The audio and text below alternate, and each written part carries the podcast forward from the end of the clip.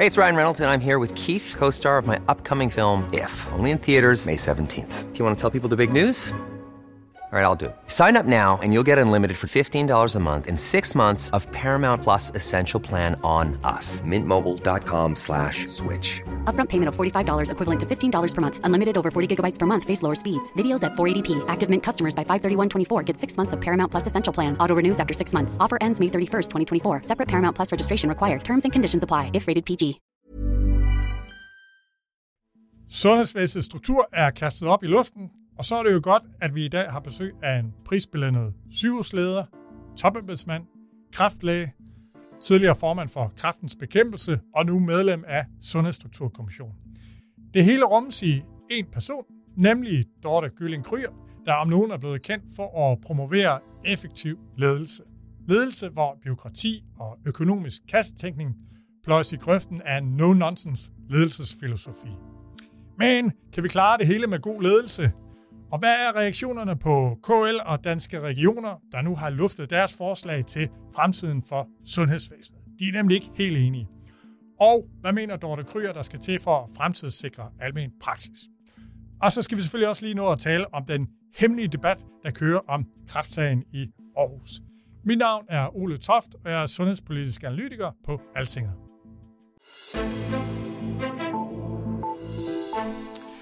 Og så skal vi sige velkommen til dig, Dorte Gylling Kryer, tidligere koncerndirektør i Region Hovedstaden, nu medlem af Sundhedsstrukturkommissionen. Godt, du kunne komme. Tak, Ole. Det er spændende at få lov at være med. Og øh, det er jo en ret kort præsentation af dig. Skal vi ikke lige øh, lave den hurtige intro på din vej gennem sundhedsvæsenet? Jeg havde egentlig skrevet, at du øh, var startet som shippingelev i Mærsk i 1994 og sprang fra og så ind i sundhedsvæsenet. Men det er ikke rigtigt. Nej, det er faktisk ikke rigtigt, for jeg startede på lægestudiet Aarhus i 92, i vinteren 92, og så øh, to år senere, så havde jeg simpelthen nået til den konklusion, at det nok ikke rigtigt var mig. Der var så mange øh, andre unge mennesker, men de kom fra lægebaggrunde og, og kunne allerede øh, sproget i, i lægeverdenen, og jeg blev en lille smule forskrækket, tror jeg, over det, også fordi jeg endte med at have en masse øh, sådan sygeplejevikarvagter i psykiatrien, og jeg synes, det hele så sådan lidt håbløst ud. Og så har jeg fået en dejlig kæreste, der læste økonomi, og jeg synes, de var smarte og business og sådan noget. Så søgte jeg til AP Møller, og tænkte, jeg kunne komme ud og rejse og blive en stor business-dame. Og det var, men det var ikke lykken alligevel? Nej, altså jeg må så også sige, og det er jo sjovt, det kan vi komme tilbage til, for nu sidder jeg jo Sundhedsstrukturkommissionen sammen med, med, med Søren Skov, som jo også er, er mærskmand hele vejen igennem livet. Og øh, jeg oplevede jo dengang, at, øh, at det ikke var et sted for kvinder, hvis jeg nu skal sige det. Alle skibsrederne var mænd, og de piger, der valgte få børn eller familie, de blev sekretærer. Og hvis man skulle udstationere, skulle man komme til Hamburg. Alt det spændende, det var forbeholdt mændene. Så jeg besluttede med mig selv, at det var ikke det, jeg skulle. Og så tilbage på medicinstudiet. Og det var noget med, at du øh, gav dem en udgangsreplik? Nå ja, men det var jo altså, man er jo kokke, når man sådan er 20-21 år og, og, og lidt kvikke i replikken. Så jeg sagde til den, til, til, da jeg sagde op, for det var der ikke så mange elever, der gjorde, så sagde jeg, at nu rejser jeg tilbage til Aarhus, og så kunne man jo måske overveje en gang at blive sygehusdirektør. Ja, og det, øh, det blev du jo så. Først blev du jo så øh, jo uddannet læge og specialiseret dig i øh, kræftgenetik. Øhm, og hvornår er det, du bliver leder første gang? Øh, ja, det er jo lidt sjovt omkring sådan noget, fordi hvornår man formelt leder første gang? Jeg er formelt første gang øh, faglig leder øh, uden personaleansvar, der kommer til England og bliver ansat som specialansvarlig øh, overlæge i, øh, i cancergenetikken. Før det, og det skal vi ikke ind på i dag, men øh, det var sådan, at på Vejle sygehus, hvor jeg jo trådte det meste af min, min læringstid, der var jeg kendt over i direktionen som den administrerende yngre læge. Og det var jo, fordi jeg allerede dengang havde frygtelig mange idéer til, hvordan vi kunne gøre verden bedre. Men det var i 2003, da jeg kom til England, jeg formelt var leder første gang. Og så kom jeg tilbage til, til Vejle sygehus i 2005 og blev øh, ledende overlæge i øh, klinisk genetik. Ja, og så var du øh, sygehusdirektør i, øh, på sygehus Lillebælt, men du var et sted inden også? Jeg startede øh, med at, at komme øh, til øh, Region Midtjylland og blive øh, lægefaglig direktør i Horsens, øh, dengang Horsens, Bræstrup og Odder, i 2009. Og så er det rigtigt, så kom jeg tilbage til øh, Vejle sygehuset, som jo så i mellemtiden også var blevet sygehus Lillebælt. Og det var i 2010, jeg var lægefaglig direktør der, og sidenhen blev jeg også administrerende direktør.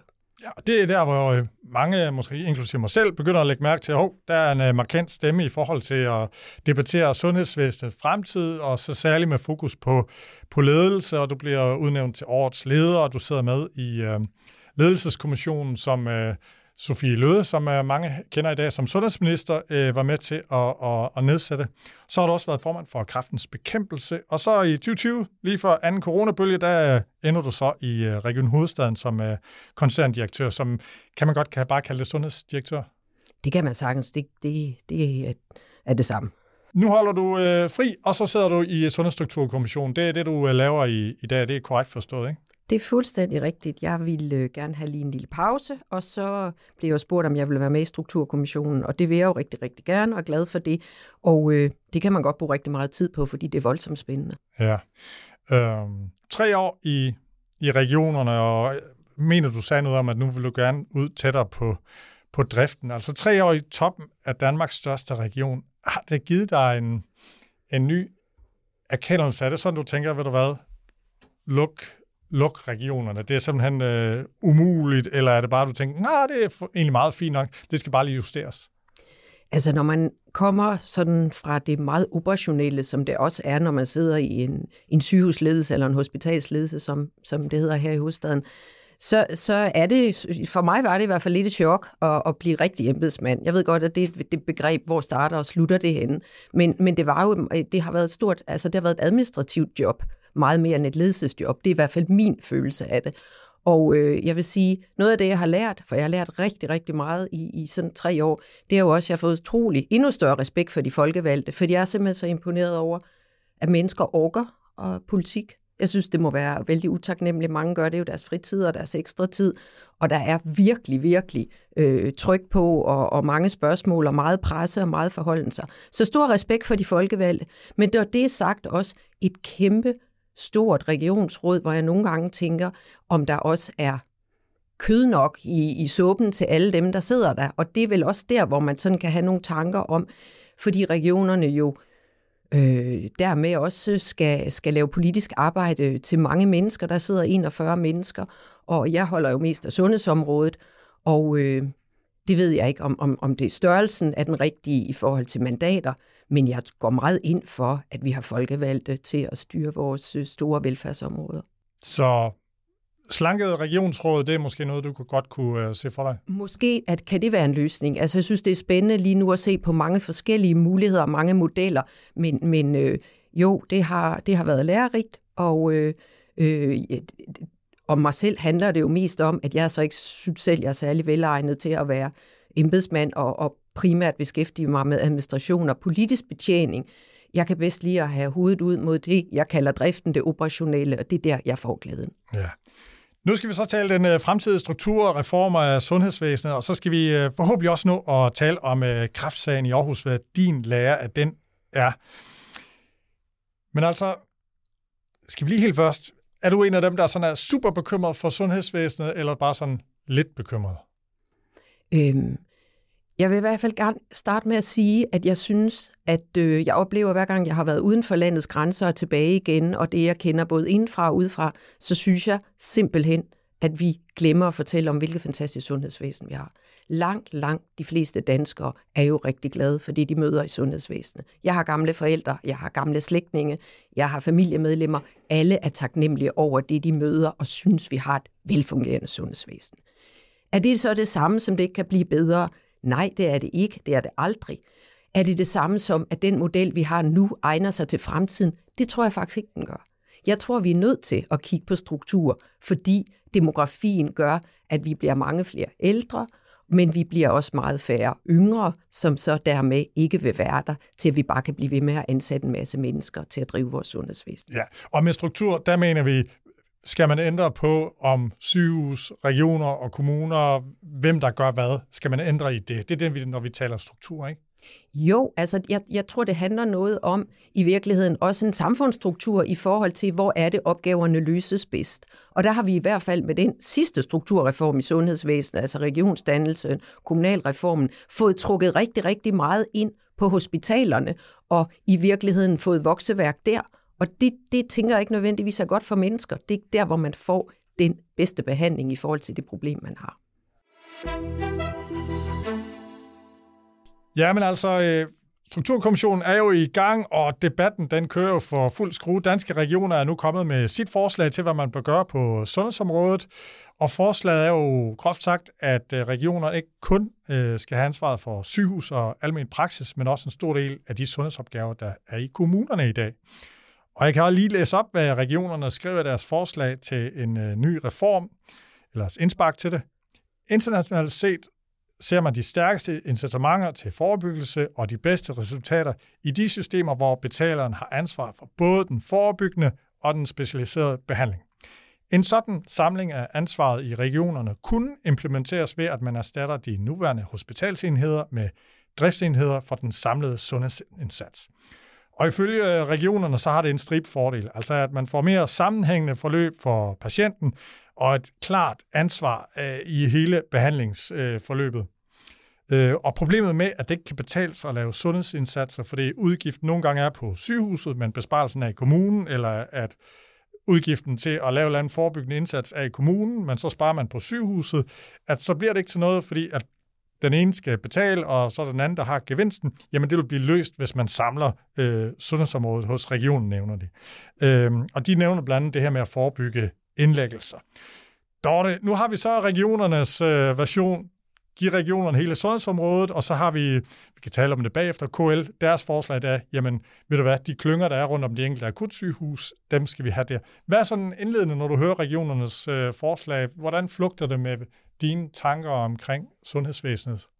Jamen, jeg, jeg kan sagtens forstå, uanset om det er den ene eller den anden sektor, der ligesom sådan forjættende tænker, hvis vi bare har det hele, så får vi det hele ordnet, så bliver alting nemmere. Øh, min bekymring i det er jo, at der er altid nogle andre snitflader, fordi sundhedsvæsenet, hvor stopper det, og hvor slutter det?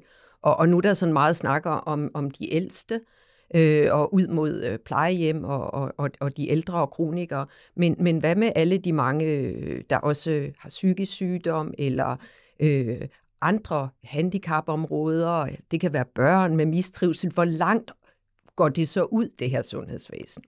Og derfor synes jeg i hvert fald, at man skal øh, være meget skarp på, hvad er det egentlig, der står i vejen for, at vi kan lykkes. Og øh, økonomi er nok en ting, men min egen erfaring er, at det har faktisk ikke været det, der har været hovedproblemet.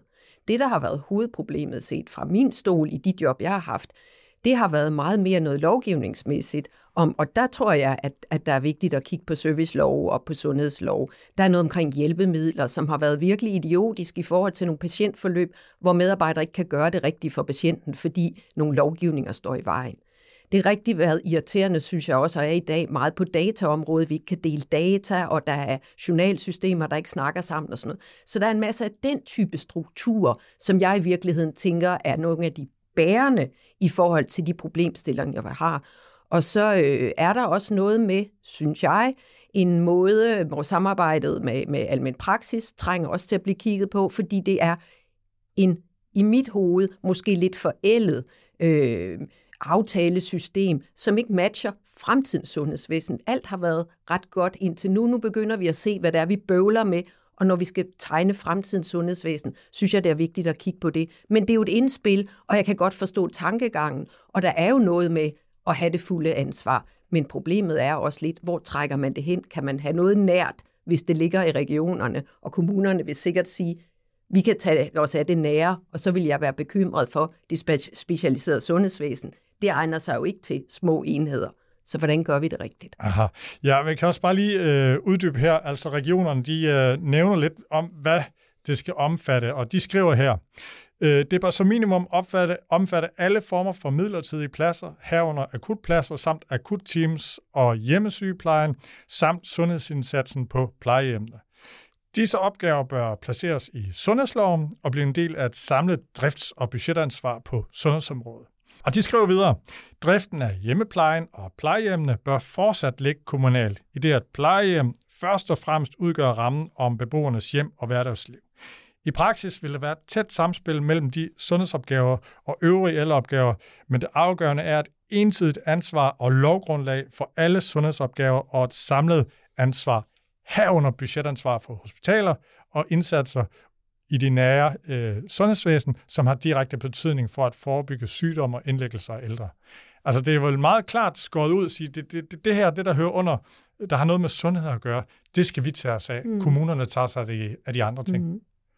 Jamen, umiddelbart, det, det kan jo være svært måske at være uenig med, at det godt kunne, kunne løse nogle af de udfordringer, vi lige har talt om, især den der lovgivningsmæssige del. Og, og det er klart også, at har du et samlet budget, så, så er det nemmere at være leder, fordi så skal du ikke ud og snakke med så mange. Men, men der er jo også, det relationelle stopper jo ikke her, for der vil stadigvæk være kommunale opgaver. Så tilbage til det, jeg sagde før, der er jo noget med nogle snitflader, hvor langt går man ud. Det her kunne jo godt være en model, man kan diskutere fordele og ulemper ved, og, og jeg tænker da, at det er et fornuftigt og et fint indspil i debatten. Øh, og, og så må vi jo også prøve at forholde os til nogle af de andre områder, som ikke er nævnt lige i det her citat, du læser op. Fordi som sagt, så har vi også, der er jo psykiatri og især noget med børn og mistrivsel, og der er også et, et handicapområde og øh, andre områder. Noget af det, de nævner her, det er de her midlertidige pladser, hvor de siger, at det skal vi også øh, tage os af, af, af sundhedsdelen og akutpladser. Og det er jo der, hvor man har de ældre liggende i dag, hvis de er for syge til at være derhjemme, men for raske til at være på hospitalet, eller de lige er udskrevet og har behov for at komme til hægterne, eller kommunen skal finde ud af, hvor skal de videre hen.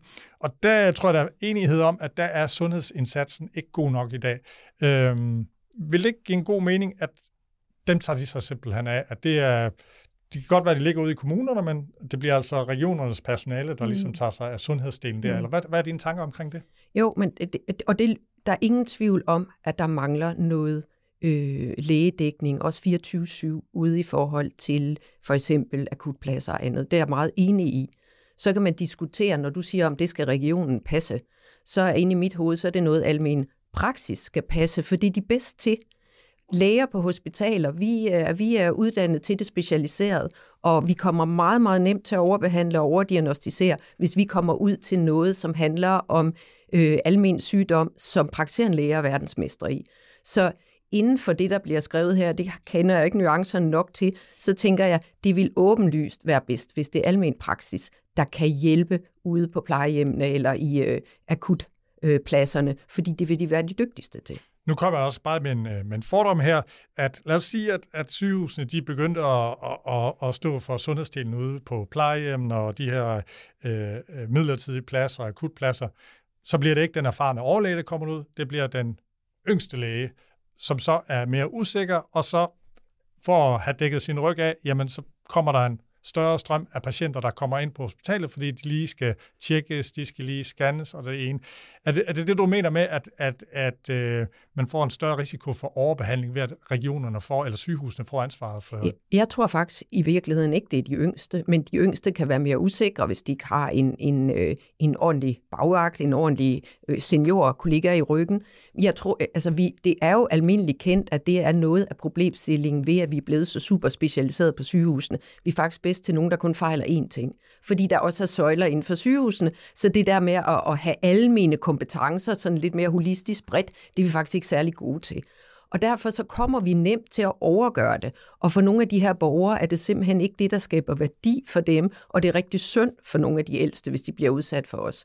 Så man kan sige, noget af det, som jeg tænker er, er, er vigtigt i denne her henseende, det er jo, at i en ny sundhedsstruktur, der skal vi ikke kompensere for, at vi har områder af sundhedsvæsenet, som vi ikke synes har fungeret. Og for mig det er at kompensere, at vi for eksempel har taget 72 timers ansvaret ind på hospitalerne, fordi det er ikke hospitalerne, der nødvendigvis er bedst til det. Det skal i hvert fald være et virkelig tæt samarbejde med almen praksis.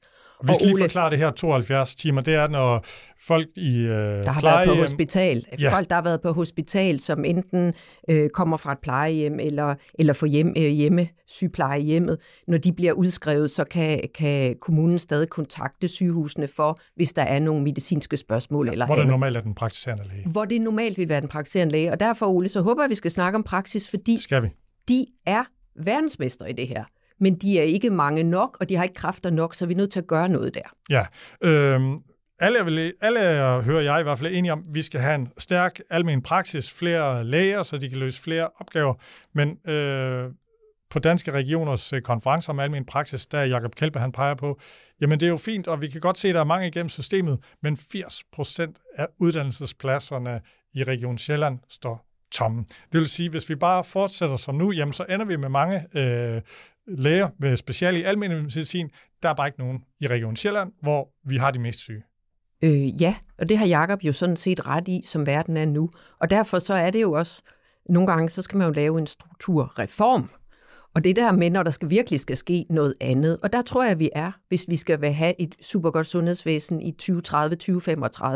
Og for mig vil den reform jo være, at den, det vokseværk, og noget af det helt berettiget med den specialisering, vi lavede med, med den sidste øh, strukturreform, og meget store supersygehuse og specialiseret, og sådan et vokseværk på lægesiden og på andet personalesiden, det er vi nødt til at bremse.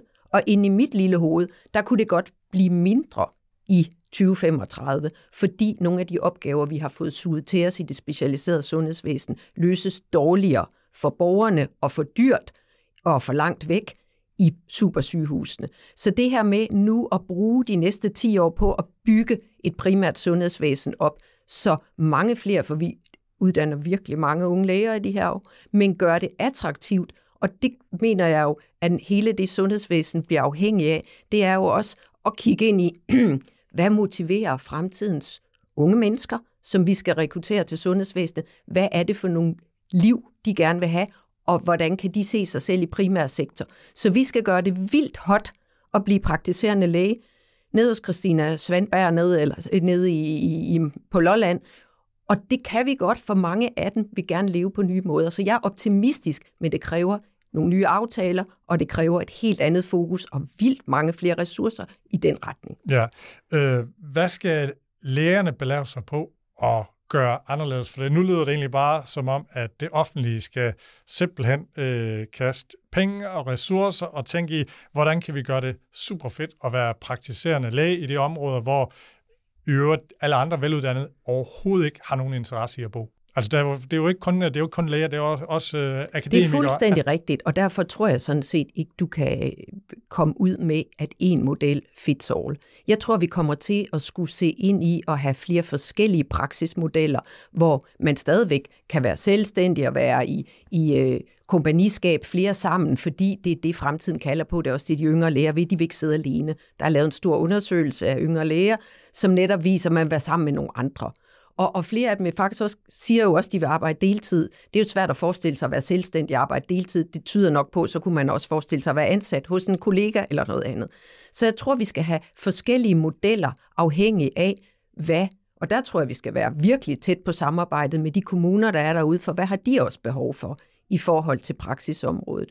På nogle af vores rundrejser har vi stødt ind i, i, øh, i, i dygtige øh, kommunale chefer fra, fra Vandkants Danmark, som siger, det er rigtig svært, når vi ikke har en praktiserende læge, men så bliver det dejligt nemt, når vi i en periode har en regionsklinik, for så er der faktisk nogen, der skal snakke med os.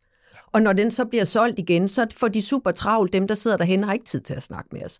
Så der er jo også noget med nogle strukturer i forhold til det samspil, som almen praksis i en fremtidig øh, ny forståelse af, hvad der er, de skal løse opgaver, handler meget mere om at have samarbejde med de kommunale, for det har de allerede i dag. Arbejdsmarkedet, børn, sundhedsplejersker, ældre, plejehjemslæger, psykiatrien. Alt det, hvor du kan gøre det super spændende at være ude i almen praksis. Og tilbage til det, jeg tillod mig at sige om at motivere mennesker. Vi ved, at nogle af grundene til, at folk stempler ud af de store supersygehuse ikke vil være ansat der, ser en flugt af personale, det er jo fordi nogle steder afdelinger er blevet for store. Man har ikke længere tilhørsforhold, der er ikke nogen, der ved, hvad man hedder, man kender ikke sine kolleger. Så herude vil du kunne skabe nogle arbejdspladser, som jeg i hvert fald kan, kan høre på mange af de unge, synes de vil være spændende. Men der kommer vel ikke, altså sygehusene, de er øh, supersygehusene er ved at blive bygget, eller de er bygget de kommer ikke til at blive mindre. Der kommer vel ikke til at være mindre personale på de supersygehus, vi har i dag? Det tror jeg jo, Ole. Jeg jo, kan godt være, at I andre synes, jeg er totalt naiv, men jeg tænker jo faktisk, at nogle af de her penge, som vi kan jo ikke blive ved med at, at fylde ekstra mange penge i sundhedsvæsenet. Vi spiser allerede en pæn del af vores bruttonationalprodukt der. Jeg tror på, at det skal omfordeles, og derfor tror jeg faktisk på, at helt reelt er der i hvert fald 20, måske endda 30 procent af det, der foregår på hospitalerne, som ikke skaber værdi. Og noget af det er noget, som skal løses et andet sted, men noget af det er også noget, vi helt skal holde op med at gøre. Og derfor så tror jeg på, at du godt kan få bygget det andet system op, og så i virkeligheden sige til sygehusene over de næste 10 15 år, der kan I se ind i, at der kommer færre ressourcer til jer, for det er et andet sted, vi skal bygge dem op. Men så vil der også være krav til det nye sted om tilgængelighed, måske endda 24-7, til at, at kigge efter de gamle, til at have det populationsansvar i nærområdet, som kræver, at man kender populationen, og finder ud af, hvordan er man en del af det community. Og her taler om de praktiserende læger, altså at du som er sammen med en hel gruppe læger, og I har simpelthen ansvaret for det her områdes øh, plejehjem, og I har kontakten til øh, kommunernes øh, sygepleje, hjemmepleje, og I har også åben 24 timer i døgnet i, i vagtlæge også. Det er i hvert fald inde i mit drømmescenarie sådan noget, som jeg tænker vil være med til at gøre, at vi i fremtiden havde et fantastisk sundhedsvæsen. Og jeg tror, det kræver også, at man koordinerer, fordi i dag, øh, lidt afhængig af hvordan snitfladerne er, så tænker man, at de andre sundhedsprofessionelle mangler og savner jo også nogle kolleger ude i kommunerne. Så hvis øh, de kommunale sygeplejersker, fysioterapeuter, andre, som er ansat ude i kommunerne, sundhedsplejersker, andre, også er i et fællesskab, hvor man er sammen med de praktiserende læger, man kender hinanden, man aftaler, hvem løser opgaverne. Og derfor er der jo noget i det tætte fællesskab, som er fuldstændig afgørende for, at vi ikke ender med at trække det hele op til det sekundære sundhedsvæsen eller det tertiære. Øh, det lyder som om, der skal bygges et gigantisk antal nye sundhedshuse, øh, hvis alle de skal samles. Det, det kommer jo an på, hvor, hvor, hvor mange mennesker, der bor de steder, hvor gigantiske de skal være. Fordi nu er jeg jo fra Samsø, Ole, og der bor jo ikke andet knap 4.000 mennesker. Og der er jo et lille sundhedshus i det gamle sygehus. Der bor to læger, og de kommunale sygeplejersker øh, og, og socioassistenter og andre kommer jo der. Så det kan aldrig blive gigantisk. Men det er klart, i nogle af de større byer, i Vejle, eller sådan, som mellemstore provinsbyer, der vil du nok kunne have nogle pænt store steder, hvor også speciallægerne enten er der fast, eller kommer der. De kan komme fra sygehuset, eller det kan være de specialpraktiserende læger. Forestil dig en stor lægepraksis, som også har besøg, eller har en psykiater ansat derude nogle dage om måneden eller om ugen, hvad det ville kunne gøre i forhold til, at de her stakkels mennesker kunne slippe for at transportere sig langt, men også få løst nogle problemer, før de blev meget alvorlige. Og, og bare lige for at, at summere op, det lyder som om, ja, der er et eller andet med sundhedslov og serviceloven, der skal slås sammen og gøres mere øh, klart. Øh, det her med at bare give regionerne hele sundhedsområdet, der, det er et spændende forslag, men det lyder ikke som om, at du tænker, det, det er den vej, vi kører. Det leder mig jo hen så til KL's modsvar til øh, regionerne. Siger, de siger, jamen, de her sundhedsklynger, som vi har, hvor der er 21 sundhedsklynger, der er blevet etableret for et-to år siden. Der er 21, et om hver akutsygehus, hvor de praktiserende læger og områdets øh, kommuner, de så samarbejder med øh, sygehusene. Det er så i sin vorden at sige, det skal der skrues op for, der skal være fælles budgetter, og altså, det, vi skal satse på det, vi allerede har. Er du mere til den model så? Jeg, jeg, jeg vil have svært ved at lægge mig fast på, hvilken model, der er den bedste, og, og, og hvordan man skal gøre det. Også fordi jeg ikke har forstand nok på myndighedsniveauer, og hvor, hvordan man laver en god bestyrelse, governance i forhold til folkevalg og Så, videre. så der er jo noget, som nogen er, er klogere end mig på. Men sådan set fra et driftssynspunkt, så er det jo ikke sådan, at jeg tænker, at det danske regioner nu, nu spiller ind med, er helt til hegnet, fordi jeg kan godt se nogle perspektiver i det. Jeg synes bare, at jeg kender naturen i sundhedsvæsenet, og den er, at vi trækker det hele op på sygehusen, så løser vi det. Og det tror jeg bare er virkelig, virkelig en farlig vej at gå, for det bliver dyrt og dårligt. Så hvordan får vi lavet en, en øh, modsat bevægelse, og hvilken struktur kan understøtte det allerbedst? Og der er for mig ingen tvivl om, at de praktiserende læger er fuldstændig afgørende, og deres samspil med de gode folk i kommunerne er fuldstændig afgørende, før vi løser det. Og så skal sygehusene stille sig til rådighed og være hjælpere for praksis og kommuner, både i forhold til diagnostik. Man kan ikke sidde og vente ugevis på et billede, der gør røntgenbillede, en scanning, som gør, at den praktiserende læge kan finde ud af, hvad de skal gøre. Ja. Så, så det, det, det er at vende kigger den 180 grader. Det tager nok lidt tid, men jeg tror absolut på, at vi kan gøre det. Altså, jeg har hørt øh, et andet kommissionsmedlem sige, altså, hør her, hvis vi ikke får øh, løftet og moderniseret almen praksis, og vi får den jævnt fordelt, så kan vi lige så godt glemme at få lavet en ordentlig reform af sundhedsvæsenet. Er du sådan enig i, at hvis ikke, kan man sige, almen praksis kommer virkelig op i gear og bliver jævnt fordelt, øh, måske med flere praksisformer, jamen, så er det faktisk umuligt at lave en, en ordentlig reform af, af sundhedsvæsenet. Det vil jeg sige. Jeg vil sige, at det synes jeg er en grundforudsætning. Det er jeg meget enig i. Jeg synes, at min praksis spiller fuldstændig hovedrollen i det her, vi skal lave. Hvis det ikke var tilfældet, så ville man være nødt til at løse det på nogle andre måder. Så er vi tilbage til, at, at man kompenserer for nogle uperfektheder i et system. Og det synes jeg er synd for borgerne, for patienterne, fordi man ender med at blive mødt af nogen. Så skal vi i hvert fald til i sygehusene og have de almene kompetencer opdyrket noget mere igen. Og det kunne blive bekostning af det specialiserede, som vi jo er super glade for, når vi bliver alvorligt syge hvis vi får kræft, eller får blodpropper i hjertet, eller i hjernen, eller noget andet, så vil vi rigtig gerne ind til dem, der er vildt kloge på én ting. Ja, og øh, lige inden vi skal til at snakke øh, kræftsag helt kort, øh, er du sådan en, der kigger mod Sverige til Danske Regioners almen praksiskonference? Der er jo blandt andet oplæg fra øh, de her svenske øh, offentlige øh, almen praksisenheder. Er det sådan noget, du tænker, det kunne være en måde at, at løse det på? Jeg synes, der er jo mange lande, der prøver alt muligt forskelligt, og vi kan jo bedst sammenligne os med de nordiske og, og, og, og Sverige og Spanien og nogle af dem, der har nogle andre øh, nogle offentlige sundhedsmodeller eller sundhedssystemer. Så, så der skal vi jo kigge hen. Jeg tror, fælles for dem alle sammen, det er, at man nogle gange glemmer, man sidder langt væk fra fra dem, der skal udføre det og laver planer og streger. Man har glemt at spørge, om nogen kunne se sig ind i det og har lyst til at være der. Så for mig er det fuldstændig afgørende, at det bliver skabt sådan, at det er det, de kommende læger drømmer om at være med til, for det er vi helt afhængige af. Ellers så lykkes ingen af modellerne. Jeg tror ikke på, at man kun får læger ved at have økonomiske incitamenter. Der er også noget med at tale til det kald, som de fleste af os gik ind i den verden med.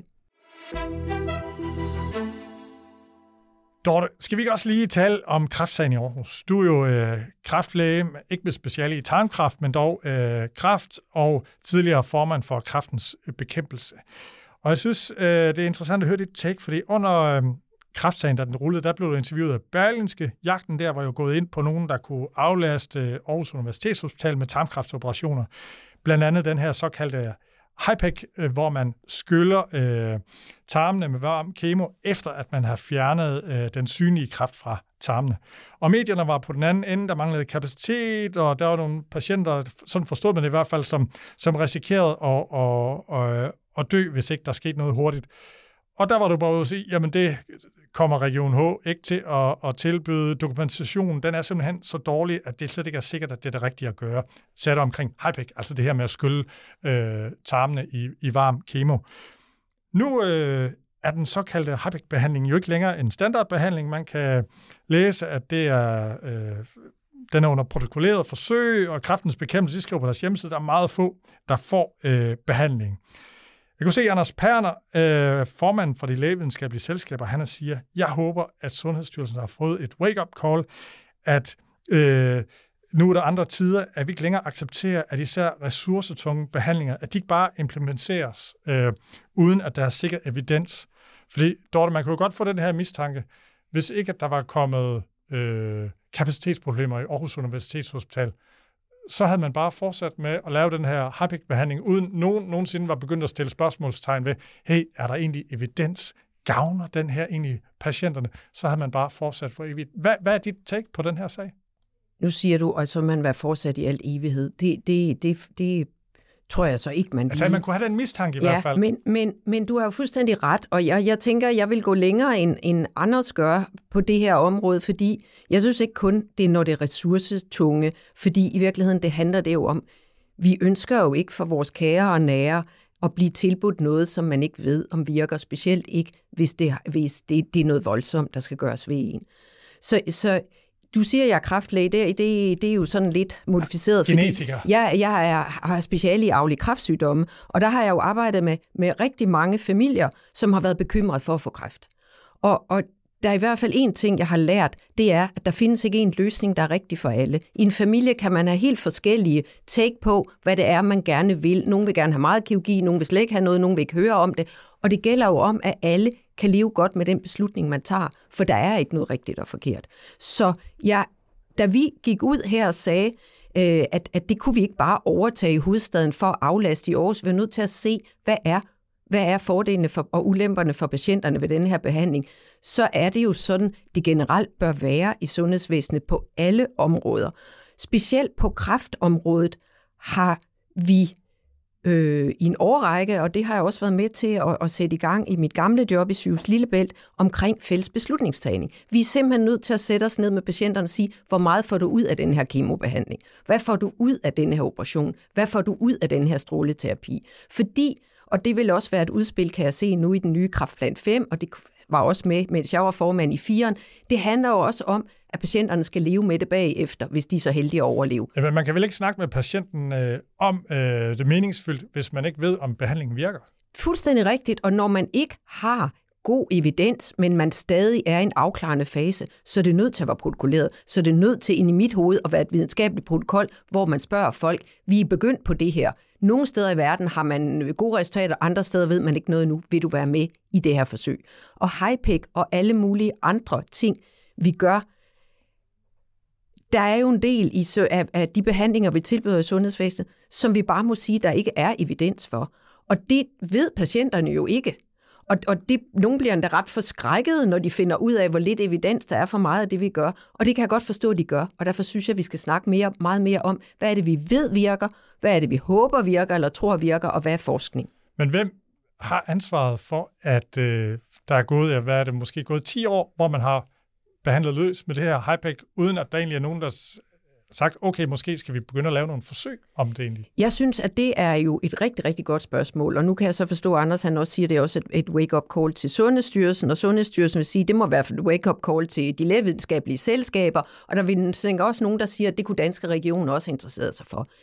Det vi snakker om her, det er jo, hvordan laver vi vejledninger og standarder, og, og, og, og, og i det hele taget, hvem er det, der har ansvaret for at komme med guidance for, hvad er den bedste behandling for denne patientgruppe. Og det er ikke entydigt i Danmark. Der er jo rigtig meget de faglige selskaber, der sidder med det, og øh, det øh, er sikkert, og på mange måder sikkert også godt, men det kræver jo så også, at man kollektivt, og der er jo altid faglige uenigheder, men at man i hvert fald genbesøger ting jævnligt i forhold til, inden man gør det til en standardbehandling, er det overhovedet det, vi skal gøre. Og derfor kunne man måske tænke, er det en myndighedsopgave for at flytte det lidt væk fra fagpersonerne selv i forhold til, hvornår man gør det. Og det mangler vi at få ordentligt øh, aftalt, hvem der skal stå for at lave vejledninger for standardbehandling. Og det er i hvert fald det, man øh, fornemmer, når man graver sådan ned i den her sag, at der har været nogle meget stærke kræfter, der mente, det var en rigtig god idé, og så nogle, der mente, det var ikke særlig god idé. Og det har så været lidt et, et spil, der har kørt, og så har, har man bare fortsat, mm. uden at der er blevet sådan. Ja. Og det er da ulykkeligt. Det er da simpelthen så ulykkeligt. Også for de patienter, som, som måske har, har fået en opfattelse af, at det her ved vi med garanti virker. Man skal jo skynde sig at sige, at, at sådan som jeg har fået det øh, oplyst, så er der en lille bitte gruppe patienter med nogle helt sjældne former for kræft i buhunden og i tarmen, som kan have gavn af denne her behandling. Men for det store almindelige flertal, som så er det jo kirurgidelen, og den skal man jo stadig gøre. Ja. Det er jo vigtigt at sige, det her med at fjerne så meget kraftvæv som muligt, er jo stadigvæk det, og Sundhedsstyrelsen anbefaler. Og det forstår jeg også, at der vil være, nu er jeg jo ikke i hovedstaden længere, hovedstaden og andre, der byder ind på at vi være et andet sted i Danmark, der vil lave kirurgien. Det er den der ekstra behandling, der mangler evidens for. Den sidste ting, Dorte, nu kommer der kapacitetsproblemer her, og så kommer der fokus på det. Kan der være striber af andre øh, Øh, alvorlige øh, sygdomme, hvor at man behandler med noget, der kan man sige, er lige så dårligt dokumenteret, øh, og det er lige så ressourcetungt, men det er bare ikke opdaget endnu. Altså det der med, om det er lige så ressourcetungt, det, det vil jeg have svært. Det, det kan der jo godt være. Altså kvæg, at vi godt ved, at måske 30 procent af det, vi gør, eller lidt afhængig af, om det er kirurgi eller medicin, som vi ikke har ordentlig evidens for, så er det jo bare at gå i gang. Og det er jo også derfor hele vel klog-kampagnen og andet, med spørgsmålet er, om det går hurtigt nok. Og man kunne jo gå ind og sige, hvis man var rigtig bare skal sige, hvis vi nu kun skulle gøre det, der var evidens for, så blev der nok ikke så meget at lave på sygehusene, fordi der er rigtig meget, især inden for det kirurgiske område, hvor det har været traditioner og er udviklet på andre måder end i klassisk evidens med kontrolleret forsøg. Så, så øh, jeg er helt sikker på, at der er masser at komme efter, og jeg synes jo, og det tænker jeg også, at det er Anders Perner og andre gode folk for de lægevidenskabelige selskaber nu ude at sige, det er, nu er der altså tid til, måske i stedet for at kaste os over hele tiden og vinde noget nyt, og så begynde at kigge på, om noget af det, vi gør, om det overhovedet er det rigtige at gøre med den viden, vi har i dag. Så slut med at stå og skovle nye øh, behandlinger ind med en skål, mens man fjerner dem med et pincet. Men mm. altså, det, skal ja, være... det, det er et meget flot billede. Det er jo helt rigtigt. Vi når ikke øh, mere i dag, øh, desværre. Det har ellers været super spændende. Dorte Kryer, tak fordi du kom. Tak, Ole, fordi jeg må være med. Det er jo sådan en spændende tid for sundhedsvæsenet, så jeg er glad for, at mine perspektiver måske også kan bruges i den sammenhæng. Ja, hvis du ikke øh, får et øh, alt for vigtigt øh, arbejde, så kan det være, at vi skal have dig med snart igen, og måske også med nogle, øh, med nogle gæster. Mit navn det er Ole Toft, og jeg er sundhedspolitisk analytiker, og øh, udsendelsen den er smukt redigeret af Emma Agner Carstensen.